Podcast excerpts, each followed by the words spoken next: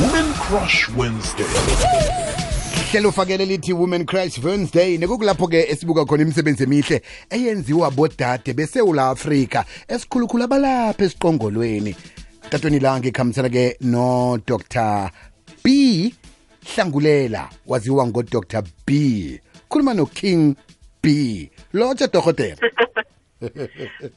Sawubona njani? ngikhonjani doctor Ngiyaphila. Thank you for having me. siyathokoza khuluma mbala nesikhathi sakho sokuthi ulisa abantu ama-patients wakho akhona nje uthi ke ngizokukhuluma emhatshweni Ngiyabonga nami. sithokoze khulu kwamambala ngiba ukuthi usazise ngawe udr hlangulela usukaphi ungene nini ku-industry Um so igama lami ubongiwe. Uh ngiphuma e eMthatha eEastern Cape.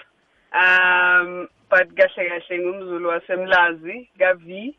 Um ngi ngiqala ukuba udokotela ngo2016. Uh ngifunde e, e University of Pretoria. um and manje sengisebenzele eGoli eh nginama practice awu2 manje elilodwa lise Sentin elinye lise Roodepoort kukhona la eGoli. Mhm. Nasiqala ama-stats um akukavami ukuthi-ke abantu bengubo eh abantu besifazane babe bodokotela bamazinyo. Yini wena ekutshisileko ukuthi hawa mina ngifuna ukuba yi-dentist angiyajabula ukuthi angibuza lokho. Um ngi I felt ukuthi ingiphoqekile ukuba ngibe yi-dentist because um Knew ukuthi kwakudala ukuthi ngifuna ukusiza abantu. Ukuthi ngangifuna ukuba siza ngani or kanjani angekho sure. Eh kwaze kwafika isikhathi sokuthi mina ngibe nenkinga zamazinyo. Eh so mina ngiyi-patient kahle kahle um more than ngudokotela. So a lot of izinto engizenzayo ziphuma from i-experience yami Mm, as i-patient yodo- yakadokotela wamazinyo. Mm. so mase mase uh beceda ukungisiza nami ngo-2011 ngaqala ngaqala uhambo lwami lwamazinyo maybe eh ngisase high school uh just before ukuthi kuyakhetha ukuthi umuntu ufuna ukufundani. Ngase ngibukela udokotela wami owayengalapha ngasesikoleni um ngambuka ngabona ukuthi ubenzelana abanye abantu. Uh wase nami engenzeka engenzela kanjalo. Ase ngibona lapho ukuthi hayi cha eh ilento ngifuna ukuyenza lena ngifuna ukuthi ngibuyise ukuzithanda kwabanye abantu. So ngoba nami ngenzelwa njalo. So that's why. Yazi dr um nami ngomunye wabantu-ke abathoma ukukhupha amazinyo at the age of 12 ngikhule nje vele nginomraro wamazinyo. Um ngiyakhumbula ne-primary school bekunande kufika abantu abathengisa insipha eh be- benkampani zensipha eh bazosilethela enkolweni kodwa nje into leyo angisayiboni. Ungasivezela nje ukuthi iproblem namtshana umraro eh we wamazinyo eSouth Africa mnengi kangangani? Lo abantu abangawutshejika abangawunakiko ngicela ungiphindele ngesizulu ngoba khona amagama engawazwanga lapho. Ngi- ngitsho ukuthi mina im eh, i-dentistry problem in the country how bad is it? Um ng- ngicabanga ukuthi ukhona umehluko but uh, ngokubona kwami it's still bad. Mm. um and iba worse because um ihambisana ne ne- nemali nokufikeleleka ku- ko- kodokotela aba- aba- aba- aba-right abenza umsebenzi omuhle Mm. eh so abanye abantu abanayo i-access um mabefika amakliniki ama-resources emakliniki ma- mancane Mm. eh so manje ba ba bagcine sebewakhipha amazinyo because it's between ukuthi umuntu agule or or alikhiphe izinyo amanye ama options bona banawo so i think sisanenkinga enkulu ngoba um asikakakwazi ukusiza abantu abaningi Mm. um and and sengikhuluma sengikhuluma on a on a public health level as well Mm. asikwazi ukusiza abantu abaningi sibakhombisa ukuthi eh kunezinto eziningi ezenzakalayo kwi- kwi-industry yami ezi ezihambisana ne-technology and all of these things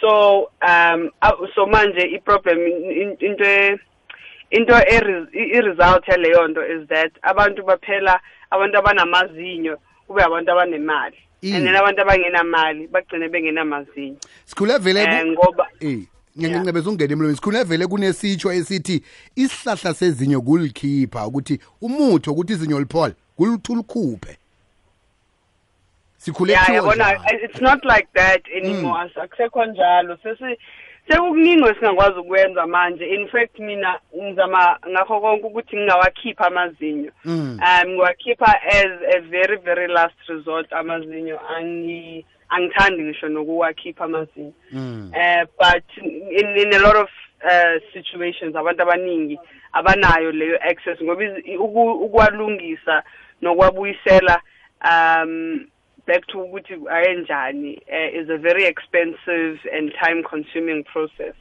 and ke that's where i problem is um, in my industry is that um, not everyone uyakwazi ukukhokha lezo imali ezidingekayo ukuthi amazinyo wakho ungawakhiphi uwalungise Mhm.